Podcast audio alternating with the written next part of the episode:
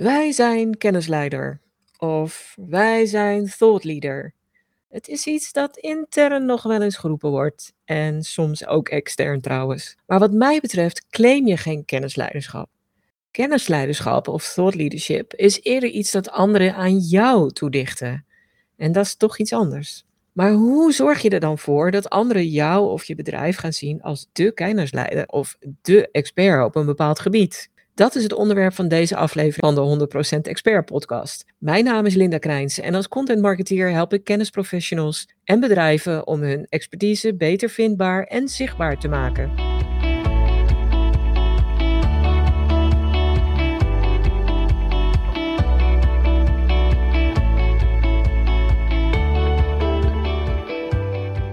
Veel bedrijven willen kennisleider zijn of claimen kennisleiderschap of thought leadership. Toch slagen maar weinig ondernemers en bedrijven er echt in om het zo gewenste kennisleiderschap hard te maken. Want zoals ik al in de intro zei, je kunt het eigenlijk niet claimen. Anderen moeten het jou toekennen.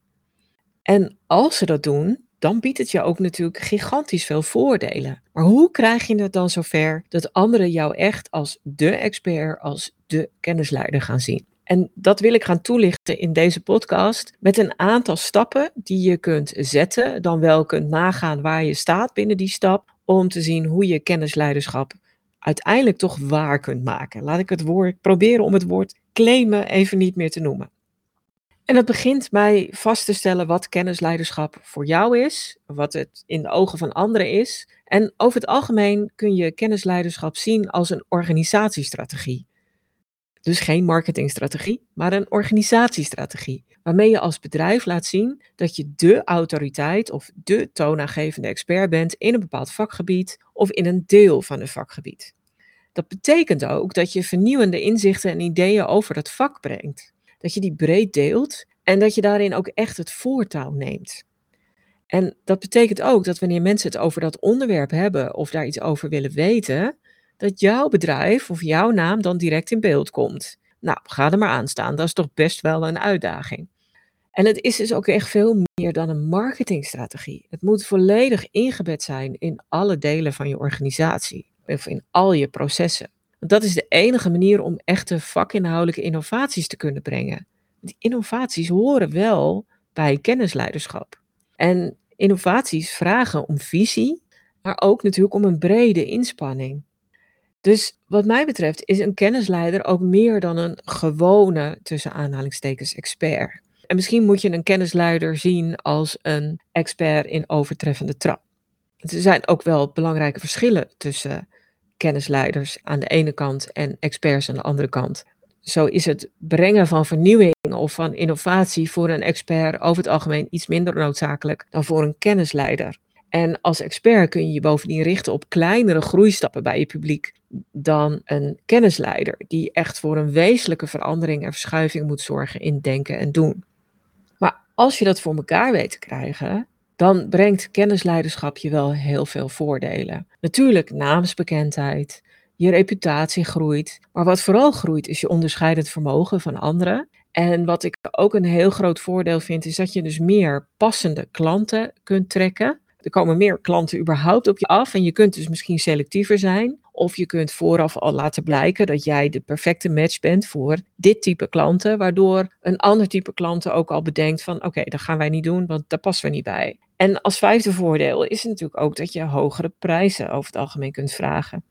Dus kennisleiderschap, ja, ik snap waarom dat een droom is van veel professionals van veel bedrijven. Maar het is gewoon niet voor iedereen weggelegd, want het is echt een organisatiebrede inspanning en veel meer dan een marketingtrucje. Als je het dan in je organisatie en in je bedrijfsvoering gaat inbedden, dan betekent het dat je een paar dingen moet doen. Allereerst moet je echt ruimte maken voor innovatie. Je moet uiteindelijk toch met vernieuwende inzichten in ideeën komen. En dat kan alleen maar als ten eerste jouw vakgebied zich daarvoor leent, maar vooral ook als je er intern tijd, geld en ruimte voor beschikbaar maakt om die stappen te zetten die echt nodig zijn om tot nieuwe inzichten, concepten of methoden te komen. Dat betekent misschien dat je onderzoekstijd en middelen vrij moet maken, of dat je middelen vrij maakt om uitkomsten van onderzoek te verwerken in nieuwe methodes en om die ook echt uit te testen. Dus die innovatie is wel een hele belangrijke kern. Het tweede is dat het ook de, de vruchten van die innovatie, de nieuwe kennis en inzichten die dat oplevert, zichtbaar moeten zijn in alle diensten of producten en in alles wat je doet. Dat is ook nog wel een dingetje. Het betekent dat je toch gewoon wat minder op de conventionele methode die iedereen al toepast in jouw vakgebied kunt vertrouwen, maar dat je ook echt nieuwe kennis daadwerkelijk moet integreren in nieuwe diensten of producten. En tenslotte moet je dat kennisleiderschap zwaar mee laten tellen in andere aspecten van je bedrijfsvoering. En dat is echt wel een dingetje, want je moet kijken naar je interne processen, maar je moet ook kijken hoe je naar je omzet en je winst kijkt. Want misschien moet je bepaalde klanten, waarbij je wel een goede winstmarge kunt behalen, toch niet aantrekken of bedienen, omdat die verder jouw kennisleiderschap niet kunnen ondersteunen. En misschien moet je die grotere winstmarge klant laten varen en inruilen voor een klant waarbij je nieuwe inzichten mag uittesten. En misschien wel gebeurt dat dan tegen een lager tarief. Dus ik zeg niet dat je dat zo moet doen, maar je zou het wel in je achterhoofd moeten houden van oké, hoe, hoe bed ik het gewenste kennisleiderschap ook in, in bij andere aspecten van mijn bedrijfsvoering. En uiteindelijk moet kennisleiderschap ook voortkomen uit een wens om een bepaalde sector, branche of vakgebied op te schudden. Omdat je denkt van, ja verdorie, we moeten het echt anders gaan doen in dit wereldje. En misschien omdat er een groot maatschappelijk belang achter schuilt. En misschien om een andere reden. Maar die opschudwens, die zou ook wel bij jou als professional moeten leven en intern in je team bij collega's ook moeten leven. Dus dat zijn een paar harde voorwaarden om uiteindelijk te kunnen slagen in kennisleiderschap. Maar als je dan ook nog meer stappen wil zetten, en dan kom ik wat meer naar het marketingdeel en naar het content marketingdeel, dan moet je ook bepaalde stappen zetten. En ik heb er in feite nu negen op een rij gezet en die wil ik kort toelichten. De eerste is dat je positie gaat kiezen en positie gaat claimen. En het grootste gevaar daarbij is dat je een te breed vakgebied kiest waarin je die expertise, dat kennisleiderschap wil tonen. Bij een te breed vakgebied neem je over het algemeen gewoon te veel hooi op je vork. Of dan zijn er al te veel andere concurrenten. En dat betekent dat je heel veel tijd, energie en middelen nodig hebt om dat uiteindelijk te doen. Dus daarom is het over het algemeen beter om een positie te kiezen binnen een duidelijke niche die je ook echt goed afbakent. En dat betekent vaak dat je een deelgebied van een vakgebied kiest. Of dat je één of twee heel specifieke onderwerpen kiest binnen dat vakgebied. En dat kiezen voor een niche betekent in feite ook dat je je onderwerpen waarover je communiceert, maar ook waarin je je specialiseert, gaat afbakenen. En heb je je niche eenmaal bepaald, dan kun je heel goed gaan kijken welke belangrijke onderwerpen bij die niche of dat deel van het vakgebied horen. En als je je dan gaat verdiepen in die onderwerpen, dan kom je er soms achter dat je toch nog wel weer heel erg breed bent. Dus probeer daarom eerst ook je belangrijkste onderwerpen in kaart te brengen. En kijk dan of je zelf of met je bedrijf in staat bent om al die onderwerpen op een even deskundige manier ook echt goed te adresseren. En wat je vaak ziet is dat als je dan je, je wensenlijstje met onderwerpen hebt, dan zie je dat er bepaalde onderwerpen eruit springen waar je toch wel beter in bent dan anderen, of waar je meer affiniteit voor hebt, waar je hart sneller voor gaat kloppen. En dan betekent het in feite ook dat je die onderwerpen zou moeten kiezen om daar je kennisleiderschap als eerste in te gaan tonen. Het feit dat je het organisatie breed moet inbedden, en ik zei het net al, betekent ook dat je tijd en middelen moet reserveren betekent dat je ook niet meer de hele week alle uren kunt reserveren om klanten te bedienen, marketing te doen, et cetera, en je standaard bedrijfsprocessen. Nee, je moet ook echt tijd en middelen reserveren om vernieuwende inzichten, concepten en methoden te gaan ontwikkelen. En dat kan alleen maar als je daar heel specifiek tijd en middelen voor allokeert, ofwel in je eigen agenda, Ofwel dat er uh, bij andere mensen of bij, misschien wel bij hele teams ruimte voor vrijkomt. Misschien besteed je er een, wijd je er een heel team aan. Uh, maar ben je een, uh, een zelfstandige kennisprofessional, dan kan het ook betekenen dat je zegt van ik ga één dag in de week helemaal reserveren om bepaald onderzoek te doen, om bepaalde kennis te, te verkennen en te verdiepen. Misschien wil je wel promotieonderzoek gaan doen. Je kunt het op heel veel manieren invullen, maar het vraagt echt om daarvoor tijd vrij te maken. En ook echt te bewaken dat die tijd vrijgemaakt blijft. En dat is vaak de grootste uitdaging. Wat je ook moet doen, en dat is de vierde stap die je zou moeten zetten, is dat je nog een keer kijkt naar je website. Websites verouderen snel, maar websites zijn, of je eigen website is over het algemeen wel een enorm belangrijk visitekaartje als het gaat om expertise en om kennisleiderschap. En dat betekent dat websites vaak niet meer 100% aansluiten bij wat je nu doet en waar je voor staat, omdat ze op een gegeven moment toch wat, wat verouderen en omdat je daar niet je volle aandacht voor hebt. En dat is ook helemaal logisch. Dus probeer in je processen in te bedden dat je regelmatig belangrijke pagina's op je site naloopt. En met regelmatig kun je misschien één of twee keer per jaar aan denken. Om te zien hoe die aansluiten bij je kennisleiderschap bij de onderwerpen waar je je in gaat specialiseren en die je het meest gaat adresseren. En er zijn, ja, er zijn vaak verschillende pagina's die je moet nalopen, maar ook pagina's waar je vaak kansen hebt om je kennisleiderschap nog een keer extra onder aandacht te brengen. En niet door van jezelf te zeggen dus dat je kennisleider bent, maar wel om die bezoeker van die pagina de conclusie te laten trekken dat hij hierbij een kennisleider of super expert aanwezig is. Dat geldt natuurlijk voor je homepage, daar, maar het geldt ook voor de over mij of de over ons pagina. En wat vaak vergeten wordt, dat zijn twee andere pagina's. Het geldt voor je contactpagina daar komen ook, als het goed is, redelijk wat mensen. En dat geldt ook voor de 404-pagina. Want laten we wel zijn, websites verouderen, ik zei het net al. En dat zorgt soms voor doodlopende links. En dan kan iemand zomaar op een 404-pagina komen. Maakt die nou niet saai of, of, of, of simpel van, oh jammer, je, bent je bent op de verkeerde plek. Hier is de homepage en zoek het verder maar uit. Want dat, dat zeg je in feite. Nee, pak die 404-pagina en vertel daar ook nog even kort wat je specialisaties zijn. Waar ben je goed in? En verwijs mensen door naar die verschillende elementen. Dan heb je ook kans dat iemand vervolgens het pad wat even was doodgelopen weer oppakt en weer verder kan. Kijk ook nog een keer goed als je dat hebt naar een blog. Naar de interne structuur van een blog en naar je blogartikelen. En het is dan heel belangrijk dat je zorgt dat je zogenaamde cornerstone content hebt staan binnen je blogartikelen. Dat zijn in feite de pilaren, kennispilaren van je content. En dat die ook nog weer helemaal passen bij de niche eh, die je hebt gekozen, bij de hoofdonderwerpen die je hebt gekozen. En verwijder ook oude blogartikelen die niet meer bijdragen aan die doelen en die gewenste uitstraling. En als je zegt van ja, maar wacht even, er komt wel heel veel verkeer op dat blogartikel binnen.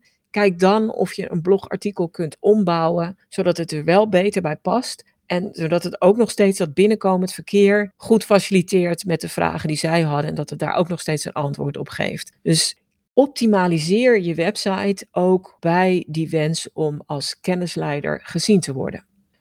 De vijfde stap die je moet zetten is dat je werkt aan EAT. EAT. En misschien denk je dan, huh, wat? EAT is een concept dat Google een paar jaar geleden geïntroduceerd heeft, waarbij Google zegt: wij meten af hoe groot jouw expertise, autoriteit en trustworthiness, ofwel betrouwbaarheid is. Dus EAT staat voor expertise, autoriteit en trustworthiness. En die EAT-factor meet Google af aan verschillende factoren op je eigen website, maar ook op andermans websites. Bijvoorbeeld, wie zijn de mensen die publiceren op jouw website? Heb je misschien een team met verschillende experts? En wat kunnen, kunnen wij als Google over die experts elders op internet terugvinden? Maar ook wat kunnen wij elders op internet terugvinden over jou of over jouw bedrijf, over jouw collega's? Waar publiceer je nog meer? Waar word je vermeld of geciteerd? Wat heb je gepubliceerd? Misschien heb je boeken gepubliceerd of opiniestukken, whitepapers, weet ik veel. Google, nou ja, uh, ziet alles, wou ik bijna zeggen. Dat klinkt wel heel eng. Maar Google kijkt gewoon naar allerlei externe signalen om jouw EAT-factor vast te stellen. En die EAT-factor hangt heel erg samen met kennisleiderschap, met jouw expertise. Dus het is leuk om misschien daar nog eens wat verder naar te kijken. En te bedenken van hoe je uh, met je EAT-factor aan hoe je daaraan zou kunnen werken en hoe je die zou kunnen uitbouwen. En dat kun je gewoon googlen. Ik heb er op mijn website ook een heel artikel over staan van hoe je daaraan kan werken. Maar dat is wel een belangrijke stap. De volgende stap die je moet, moet zetten is dat je de juiste kanalen en middelen kiest om je expertise met de wereld te delen. Je hebt natuurlijk bizar veel keus uit allerlei middelen en kanalen om aan jouw expertstatus of kennisleiderschap te bouwen. En het is echt niet te doen om ze allemaal in te zetten. Of je moet een enorm grote marketing- en content team hebben. Maar ja, waarom zou je? Dat is voor de meeste bedrijven ook gewoon helemaal niet nodig. Dus daarom is het belangrijk om een keus te maken. je kunt echt aan bizar veel dingen denken. Natuurlijk aan, eh, aan hele voor de hand liggende contentmiddelen, zoals artikelen op een eigen blog, aan gastblogs, case studies, whitepapers, noem het maar op. Maar er zijn nog heel veel meer soorten middelen waar je aan kan denken. En kijk vooral wat je nu al hebt, wat je nu inzet. En kijk of daar wat variatie in zit. Of dat je zegt dat je van misschien toch wel heel veel dingen hetzelfde doet. Veel kennisprofessionals, veel bedrijven zijn geneigd om zich toch op blogartikelen of gastblogs te richten. Dat is ook vaak weer intensieve kenniscontent. En in aflevering 62 van de 100% Expert podcast ging je erop in van hey, hoe kun je ook andere middelen kiezen waardoor je je soms zware kenniscontent toch op een lichtvoetiger of lichter verteerbare manier kunt brengen. Dus probeer ook te kijken hoe dat zich verhoudt onderling. Wat, wat zijn de middelen die je inzet? En zijn die allemaal hele zware kenniscontent? Of zit daar ook een meer inspirerende en misschien zelfs wel entertainende factor in bij je content? Want vaak is het heel erg nodig om daar een goede mix en balans in te kiezen. Dus probeer je eerst je eigen kanalen en middelen in kaart te brengen en kijk van of je misschien eenzijdig bent in die mix of in de soort middelen die je continu inzet. Want juist door andere middelen in te zetten, creëer je vaak een veel breder podium en een veel breder publiek voor jouw expertise. De zevende stap heeft te maken met social media en dan eigenlijk specifiek met LinkedIn. Want je kunt op allerlei social media actief zijn, maar je expertise meten mensen toch vaak wel af aan je aanwezigheid op LinkedIn. Dus kijk dan naar persoonlijke LinkedIn-profielen en kijk zeker ook naar een LinkedIn-bedrijfspagina. En daar heb je nog allerlei middelen voor. En uh, in andere podcasts heb ik het ook al gezegd van hoe kun je je LinkedIn bedrijfspagina goed inzetten? Hoe kun je je content op LinkedIn goed inzetten? Want LinkedIn is echt een kanaal dat anderen zullen bekijken als ze nieuwsgierig zijn naar jouw expertise op een bepaald vlak. Ze willen weten wat die expertise inhoudt, maar ze willen waarschijnlijk ook kijken of ze je daar misschien willen volgen of een connectie met je willen, willen maken. En ben je zelfstandig kennisprofessional of ondernemer, dan is je LinkedIn profiel heel belangrijk. Maar wil je als bedrijf, als kennisleider gezien worden, dan geldt het vaak voor meerdere profielen van je belangrijkste medewerkers, maar ook voor je LinkedIn bedrijfspagina. Zorg echt dat die op alle fronten de expertise laten zien, door die profielen en die pagina goed in te richten en door daar ook consistent passende content te publiceren die aansluit bij het gewenste kennisleiderschap. De achtste stap heeft te maken met het inzetten van expert content. En ik heb op een gegeven moment drie soorten content gedefinieerd waarvan ik zeg van ja, maar die moet je wel hebben, wil je als kennisleider gezien kunnen worden. En dat zijn gidsende content, pionierende content en betrouwbaarheidscontent. En gidsende content is content die mensen de weg wijst naar een oplossing. Het begeleidt mensen over het algemeen bij kennisleiderschap bij een groter probleem en biedt daarvoor ook bepaalde verdieping. En vaak zijn het meerdere kenniscomponenten die samen de weg wijzen en gidsen. Van een blog tot een whitepaper, van een boek tot een webinar en van videokanaal tot kennisbank. Dus hier zie je ook weer dat er een combinatie van middelen nodig is. Dat kan eigen content zijn, maar je kunt ook content van anderen cureren. En dat betekent dat je content van anderen deelt en dat je mensen, jouw doelgroep, je publiek wijst op content van anderen. En alleen al het feit dat jij een selectie maakt uit externe content en mensen daarin dus ook de weg wijst, is bewijs van jouw expertise, van jouw kennisleiderschap. Want jij bent de gids in een wereld waar het gewoon stikvol met kennis zit. Die tweede vorm van expert content is pionierende content. En dat bouwt dus voort op wat ik eerder al zei, je innovatie, het bieden van nieuwe inzichten. En dat betekent dus ook dat je eigen onderzoeksdata hebt, of dat je onderzoeksdata van derden zelf tot je neemt en misschien, misschien verschillende onderzoeksbronnen bij elkaar brengt en combineert en daardoor een nieuw inzicht creëert. Of dat je nieuwe combinaties van kennis combineert en misschien wel dat samenbrengt tot een eigen methode, of tot een eigen concept, of tot een eigen begrip. Dus pionierende content brengt vernieuwing. En tenslotte heb je dan betrouwbaarheidscontent. En die ondersteunt het vertrouwen wat mensen gaan hebben in je expertise. En in feite is dit de content die het bewijs levert dat het klopt, dat wat je vertelt. En dat zijn, kunnen testimonials en recensies zijn, dat kunnen scores of prestaties in vergelijkingen en tests zijn, dat kunnen accreditaties of erkenningen zijn. En het kunnen vermeldingen van externe bronnen zijn die jou ook als autoriteit zien en zo benoemen.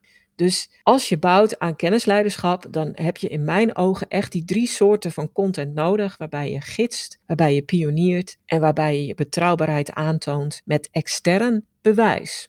Dat is de achtste deel van het bouwen aan kennisleiderschap. En ja, het negende deel kun je zeggen van ja, is dat onderdeel van? In mijn ogen wel. Het zal voor de buitenwereld niet zichtbaar zijn, maar dat betekent wel dat je doelen en KPI's voor jezelf formuleert. Ik ben altijd van de data, ik ben ook van de creativiteit, maar ik ben altijd van de data. Maak duidelijk intern en voor jezelf wat je doel is. Kies duidelijke KPI's en kijk daarbij naar vier factoren. Zorg dat je KPI's hebt voor de geloofwaardigheid van je expertise en hoe die groeit. Zorg voor KPI's die uh, meten welke impact je maakt. Stel vast hoeveel content je en hoeveel kennis je echt deelt. En stel vast hoeveel verdieping en vernieuwing je gaat brengen. Het is best pittig. Geloofwaardigheid van je expertise en hoe die groeit, dan kom je ook eigenlijk weer uit op die EAT-content.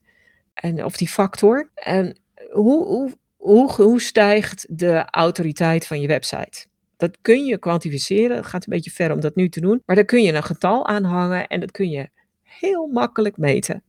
Er zijn tools voor die daar een getal aan hangen, aan de autoriteit van je website. Ik zit nu op 30 en ik wil doorgroeien naar 35.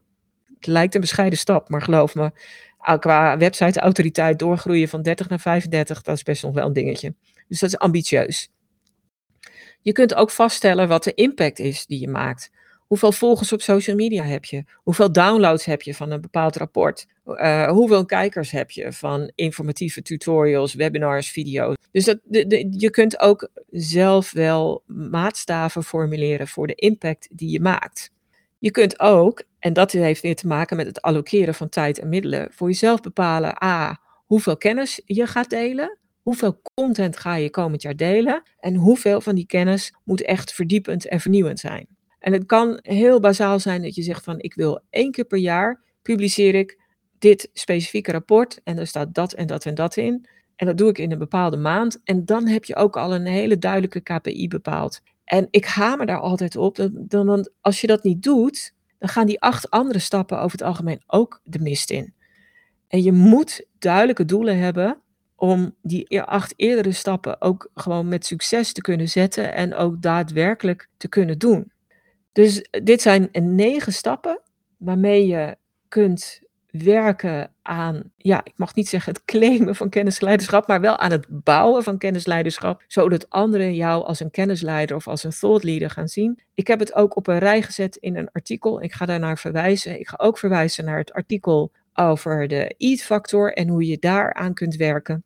En op deze manier kun je de stappen gaan zetten en voor jezelf in kaart brengen om te bouwen aan kennisleiderschap.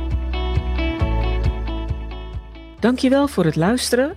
Heb je nu een handige tip of inzicht opgedaan, dan wil ik je vragen om een review achter te laten. Of deel de podcast met iemand anders voor wie het interessant is. En wil je meer weten? Op mijn website vind je een gratis kennisbank met checklists, tools, video's en stappenplannen over content, content marketing, maar vooral over het zichtbaar en vindbaar maken van je expertise. En in de Content Academie vind je bovendien tal van online masterclasses en trainingen die je helpen om je expertpositie verder te versterken. Kijk daarvoor eens op stroop.nl en stroop is met dubbel S.